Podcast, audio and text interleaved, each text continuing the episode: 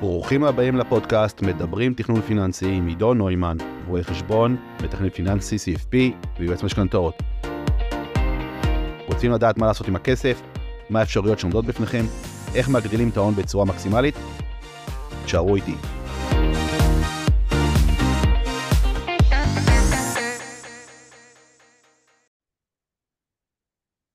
אז אנחנו פה, ירון איתנו, אהלן. חלק מכל הקטע, ואנחנו אפשר לקפוץ רגע לעניין, ואחרי זה נחזור אה, למסביבים.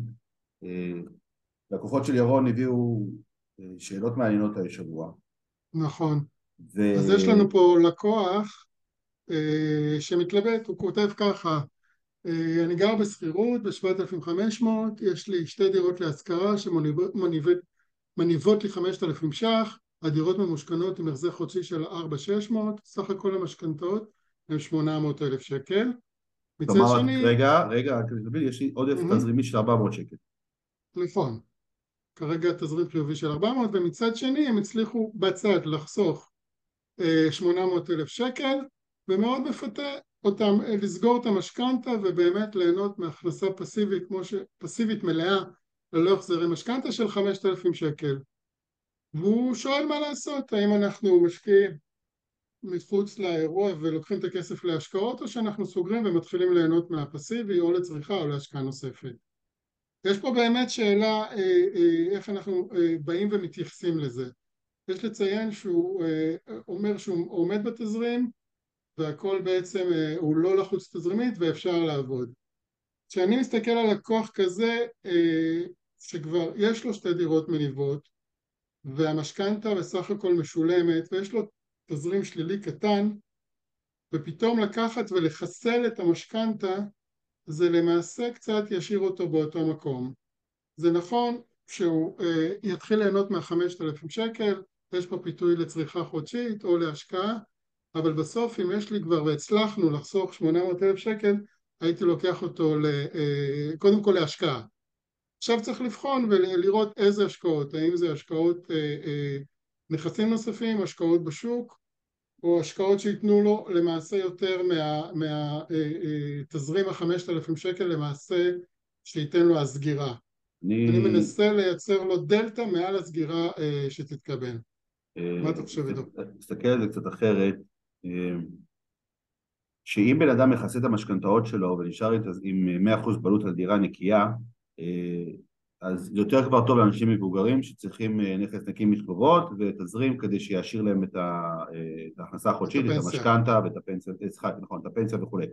עכשיו כל עוד אני לא שם יש לי יתרון בלהיות עדיין ממונף ועד שאני לא בערך באזור ה-50% הון עצמי מינוף ביחס, נכון, אז אני עדיין נכון. נהנה מה, מה, מהפן של, של המינוף ככלי ליהנות מעליית הערך, הקטנת המשכנתה וכולי. עכשיו פה במילא יש אנשים בדירה ויש לו תזרים חיובי, זאת אומרת לאורך הזמן הם משלמים לו את המשכנתה ועם נכון. הזמן היא תלך ותקטן עד שבמילא הוא יישאר עם נכסים, עם נכסים נקיים ובמקום דלתא של 400 שקל הוא יקבל את כל 7,500 שקל שכירות. עכשיו אם יש לבן אדם 800 אלף שקל עדיף לו ללכת להשקיע אותם מאשר, מאשר לכסות את המשכנתה ולקבל 5,000 שקל. כי זה כבר פה עובד האפקט של הריבית דריבית במיוחד אם הוא לא צריך תזרים אז. האפקט הריבית, כדי לצבור הון, אתה צריך הון על 800 אלף שקל כדי שיעשה, סתם נקרא לזה, ב-10% לשנה, על 10%, על 10%, על 10% אתה תגיע הרבה יותר לחופש כלכלי ולתזרים הרבה יותר אה, גדול, הרבה יותר במהירות מאשר להתחיל מ-0. חד משמעית, במיוחד שהדירות לא מפריעות לתזרים ואפשר להשקיע את כל השמונה. עכשיו אם הוא נכון, רוצה גם 5,000, נכון. יש היום גם אפשרות לייצר לו 5,000 אה, לחודש על 800 אלף שקל, זה תשואה נטו של 7.5 אחוז.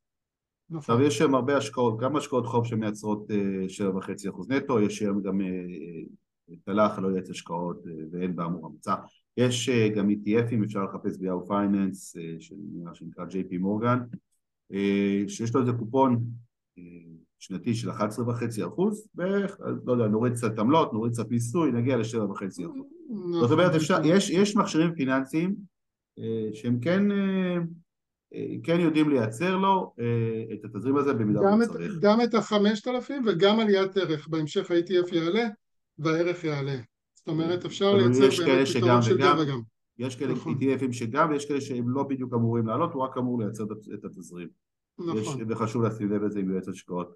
הוא גם, אה, הוא גם ציין, אה, אותו שואל, אה, שהוא אוהב להשקיע בנדל"ן, סבבה, בור יש לו כבר שתיים, ומרגיש לו שאם הוא יישאר ללא הון עצמי, הוא לא ימשיך להשקיע ואז הוא ייתקע במקום. אז דווקא... הוא צודק. אה, אם הוא, לא, יש- אם הוא לא ישקיע, אז הוא יישאר בדיוק באותה הנקודה, הוא באמת יקבל, יכסה את ההשקעות שלו אה, ויישאר עם החמשת אלפים פסיבי, אבל, אבל הרעיון הוא כן להגיע בדיוק למינוף, אם נדבר רגע על אה, מינוף אחראי, עד חמישים אחוז מנכסים זה מינוף אחראי, בסך הכל אה, בראייה שלי, וצריך לעבוד עם זה, צריך לקחת את השמונה מאות, לעבוד בדיוק כמו שאמרנו, ולהתקדם. אם הוא אוהב נדל"ן, אז אפשר לבדוק גם נדל"ן בחו"ל, לא חייבים לשלם פה את השמונה אחוז, אה, זה הכל שאלה של מה המשפחה הזו אוהבת, אבל בהחלט לקחת את השמונה מאות ולהמשיך להשקיע. אה, נכון, זה גם אני מסכים. אה, לפעמים יש את זה אצל הרבה אנשים שמתחילים להשקיע ואז נתקעים, ב- נתקעים ואז מרגישים שהם דורכים במקום אבל זה לא דריכה במקום, זה בעצם אה, שלב של צבירת והגדלת הכסף הקיים, נכון. אה, שזה חשוב. ברגע אה. שהנכסים עולים בערכם, אז אפשר אחר כך למשוך עוד מינוף. נכסים זה תמיד מצ... מנוע צמיחה להמשך. אם אנחנו בשלב ביניים ואין לנו תזרים או אין לנו אה, בעצם כסף אה, הוני להשקיע אותו שוב, אז אנחנו מחכים כמה שנים, הדירות משביחות עצמן, עולות בערכם, ואפשר שוב להיכנס ולקחת משכנתה נוספת וללכת ולצבור נכסים נוספים. זה בדיוק ככה עושים את זה, מנכס לנכס. או למצוא עוד אחד בארץ, או דירה קטנה בארץ, עם הרבה של תזרים. ולהמשיך שלישית ואז לרביעית זה כבר כבר כמו משכנתה מסחרית, זה כבר לא משכנתה רגילה ואז נכון. אה, הוא קצת עולה שלב ונמצא במקום אחר לגמרי. אה, אז למעשה דיברנו פה שבעצם לא שווה לו אה, לכסות את המשכנתה כדי עדיין ליהנות מהכוח של המינוף על הכסף על הדירות ובמילא זה יחסי לו השכירות יותר גבוהה מהמשכנתה ועם הזמן היא תלך ותקטן ואז למעשה הוא יישאר גם עם עליית ערך וגם עם הנכס יותר נקי מחובות ואם הוא צריך תזרים אז יש מכשירים פיננסיים שונים אה, חוב או מכשירים בשוק ההון שהם יודעים לייצר את התזרים הזה. אה, ואם הוא לא צריך לא את זה ולא את זה אז הוא יכול פשוט ללכת להשקיע את ה-800 אלף שקל כדי ליהנות מכל ה... אה, מהאפקט של הסכום שמושקע למעשה. בדיוק, ואת זה, ואת זה אנחנו אומרים עדיין עם הריביות של היום. אין שום. סיבה לפסול, אין שום סיבה לפזול, לפזול אה, לכסות את הריבית כי היא גבוהה, הריביות היו היסטוריות יותר גבוהות, עדיף מאוד מאוד להשקיע ולהשתמש בכוח של המינוף. אה, נמשיך שנייה לשאלה הבאה, לא שנייה, נמשיך לשאלה כן. הבאה. אה,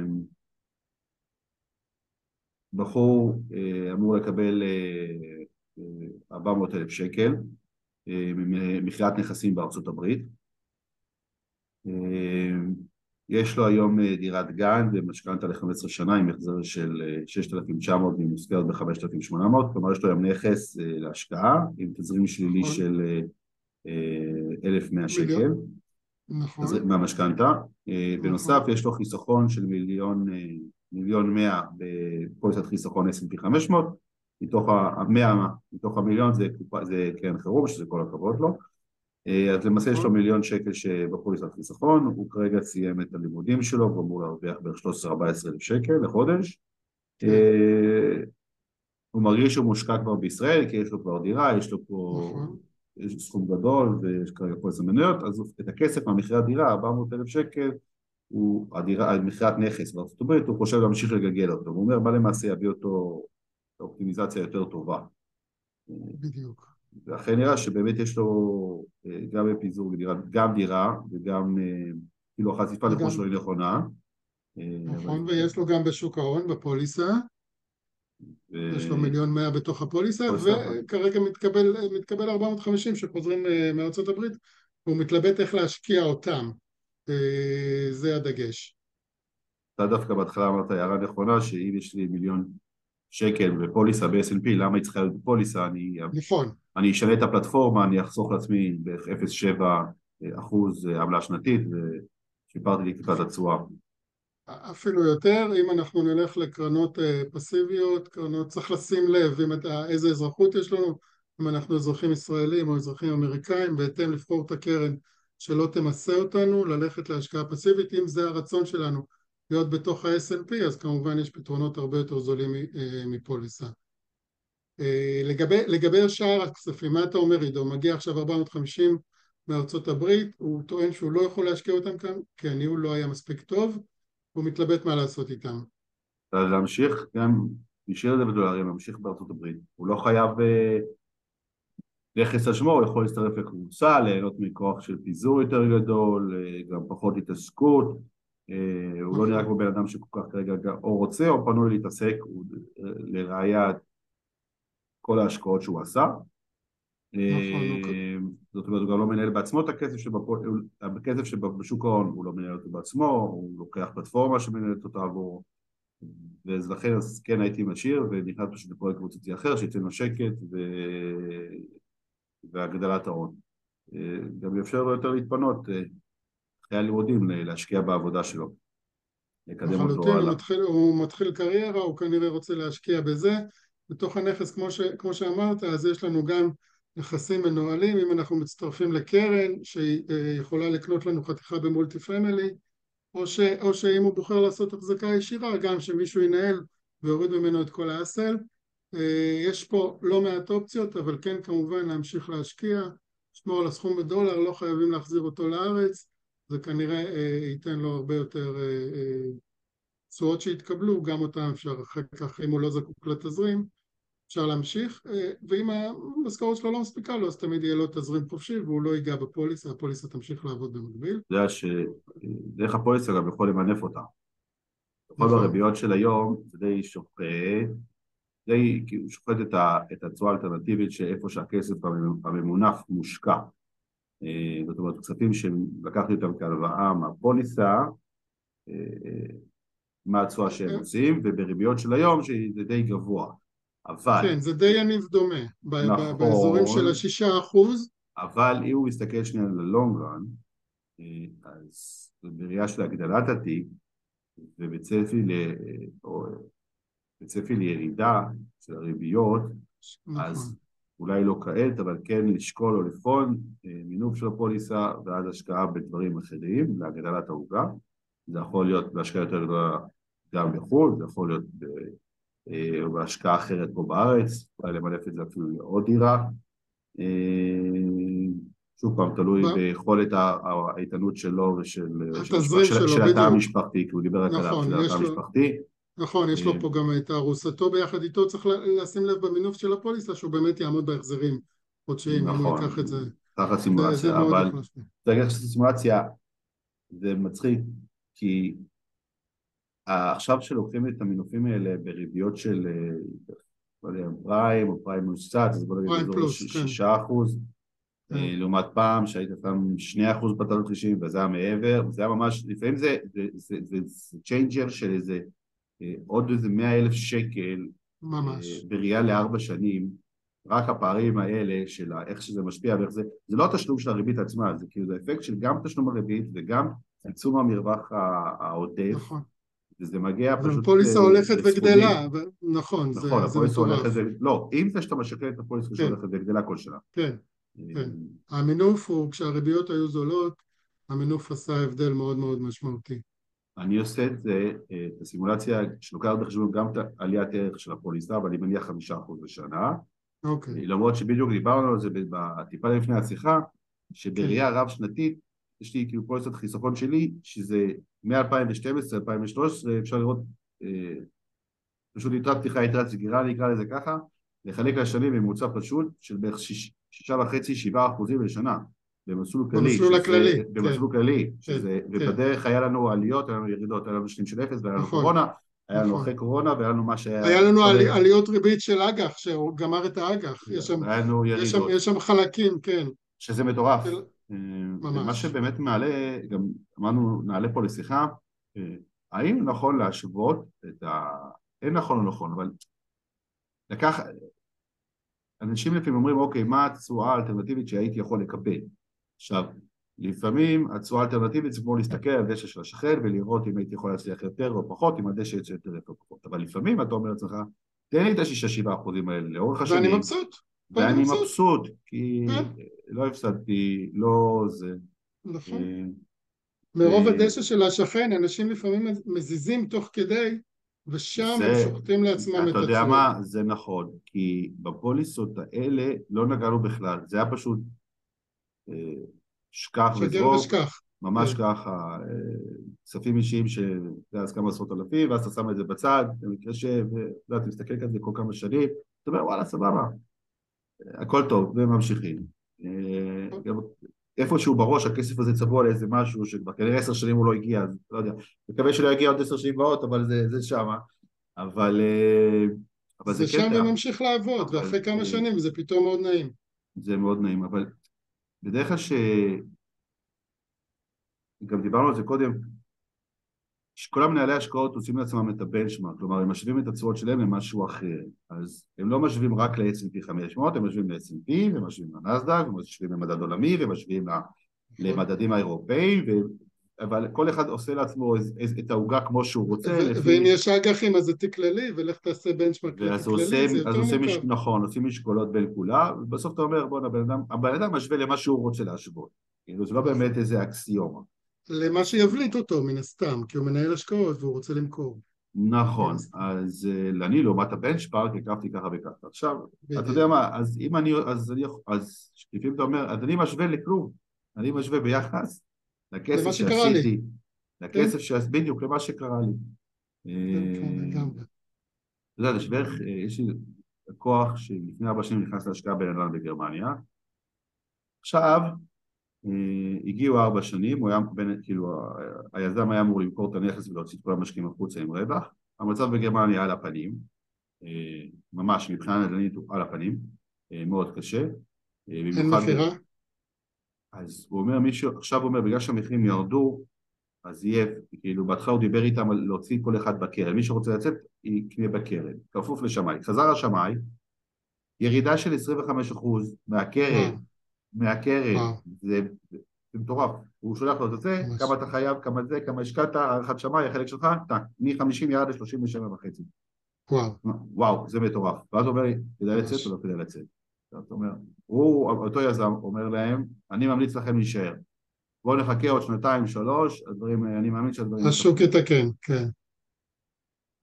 בינתיים הוא מפסיד. זו החלטה תשואה קשה. אלטרנטיבית, מאוד, מאוד. נכון, הוא מאוד. מח- פה הוא מפסיד תשואה מפסיד תשואה אלטרנטיבית. אלטרנטיבית. ממש. עכשיו אתה אומר, יש אני פה- כזה, אני, אה, לחתוך את ההפסדים, לא לחתוך את ההפסדים, זה תמיד, זה תמיד השאלה בהשקעה שאתה מופסד. אתה צריך תמיד. לדעת איפה לשים את ה stop loss שלך ולהבין מה אתה מפסיד באלטרנטיבי. בדרך כלל הפסיכולוגיה גוברת ואתה wishful thinking שההשקעה תחזיר את עצמה, לפחות הקרן, אני אחזיר את הקרן הביתה. יש גם מין אגו כזה. אתה יודע מה, זו שאלה ממש טובה עכשיו מה שאמרת, כאילו זו נקודה מצוינת, אני אגיד לך גם למה. אתה אומר, נכון, זה האגו, האם אני, כאילו, אני צריך מה האלטרנטיבה ומה אני אעשה, עכשיו זה הולך ככה, או אם אני אחכה שנתיים שלוש, אולי אני אחזור חזרה, אני אחזיר חזרה את ההפסד ואני אוכל לצאת בקרן, אולי, עכשיו אם אני עכשיו. מוש... אם אני מושך את זה בהפסד, ואני אשקיע. אני אשקיע, ומשהו סגור. משהו שיכול להקפיץ לי עכשיו, ואז אני לפחות. אולי, אני, יש לי אולי יותר סיכוי להחזיר את זה, ואולי לעבור את את זה, הקרן יותר מהר אפילו, כן, זו שאלה מאוד קשה. נכון? באמת זו שאלה קשה, ואין לזה תשובה חד משמעית לדבר הזה. אין לזה, ברור שאין לזה, אין לזה, אין לזה, אבל uh, צריך להסתכל תמיד על כל התמונה המלאה של כל הבן אדם, מה יש לו ומה המטרות שלו ולאיפה הוא כיוון ואם יש לו סבלנות ואם יש לו תזרים, בסוף זה תמיד מתכנס לאיזושהי עוגה שאנחנו מסתכלים על הדברים ואומרים אוקיי, החלק הזה אני יכול לסבול אותו או שאני עדיף לי לחתוך ו- ולנסות להשיג במקום אחר. שאלה פסיכולוגית והיא קשה.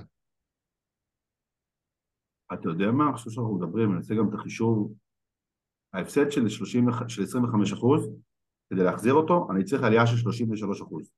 נכון, כדי לעבור מ-50 לרדת ל-37 וחצי זה ירידה של ברור. 25, כדי להחזיר אותי חזרה יותר, ל-50, נכון. אני צריך עלייה עכשיו של שליש, כלומר מש- שליש מ-37 וחצי.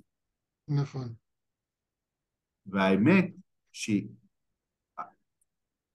אתה צריך לקחת אה, את זה בשנתיים. לא, רגע, רגע, אתה צריך, שת, לא רק זה, אתה צריך, כשאתה לוקח את זה בשנתיים, אתה, אה, איפה הכסף מושקע? זה למעשה כבר הפאנץ', כלומר אם אני מאמין שהאזור יחזור ויהיה, אה, יעלה ויחזור הביקוש, הנדל"ן וזה, אוקיי, סבבה.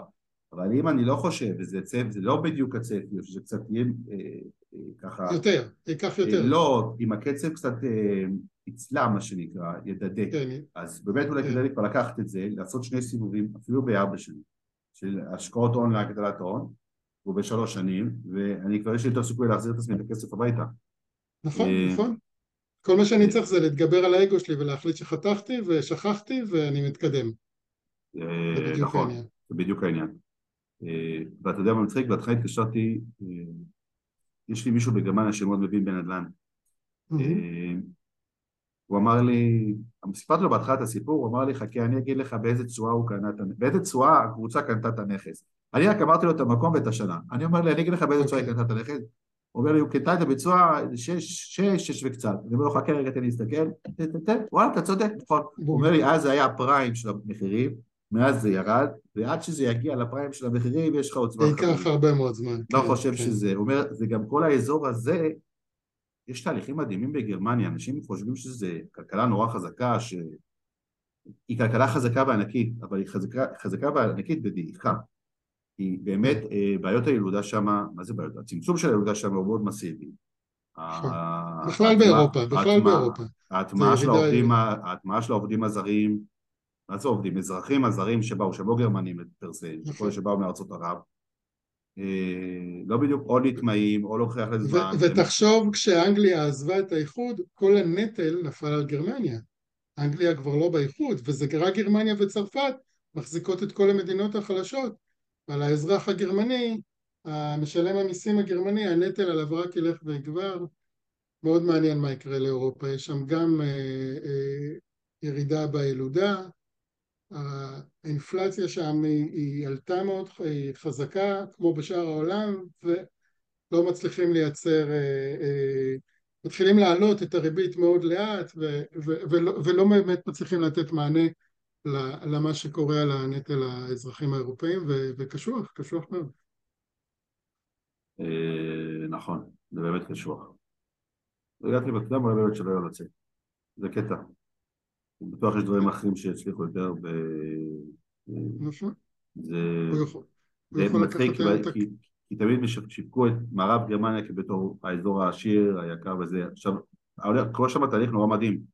תיקח כמו ערים ענקיות, לא רק ערים קטנות, גם ערים ענקיות, במונחים שלנו זה ענקי, כמו אשדוד, 250 אלף איש, זה פסיכי, אתה פתח תקווה, לא, פתח תקווה לא 250, אבל כל אשדוד וזה.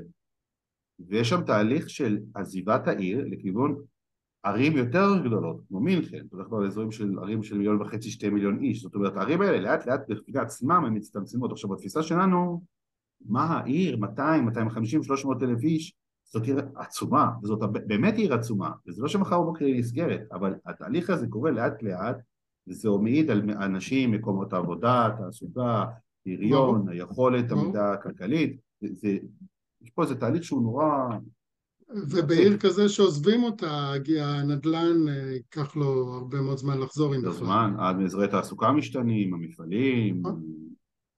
זה באמת תהליכים שגם אותם יש לקחת בחשבון, זה לא אומר שאפשר להגיע למסקנה, זה רק אומר עוד איזה אה, מידע שאפשר לקחת, שככה אומרים אוקיי, אני מבין, לא יודע, לא, מריח לי, לא מריח לי כבר, משהו באזור כן. הזה. כן. אה, נעשה עוד דילמה אחרונה, אה, במשפחה יש אה, הלוואה לחצי מיליון שקל בריבית של פריים אה, פלוס אחוז וחצי, שזה בערך שמונה אחוזים. הוא חושב איך הוא יכול להקטין את עלות המימון, כלומר לקחת הלוואות יותר זולות ולחזות הלוואה יקרה. הבן אדם חשב לקחת או הלוואות על חשבון קרן השתלמות או על חשבון הפנסיה בריביות יותר נמוכות ואז ככה לצמצם. מה אתה חושב?